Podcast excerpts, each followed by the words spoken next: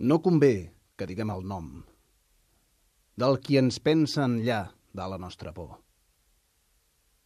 Si topem a les palpentes amb aquest estrany sec, on, si no en el buit i en el no-res, fonamentarem la nostra vida?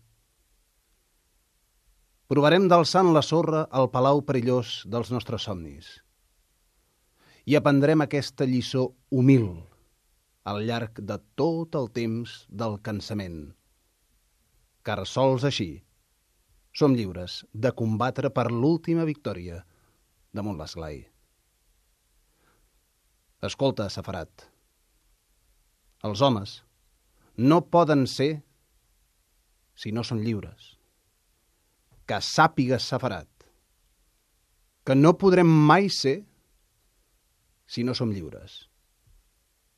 I cridi la veu de tot el poble. Amén.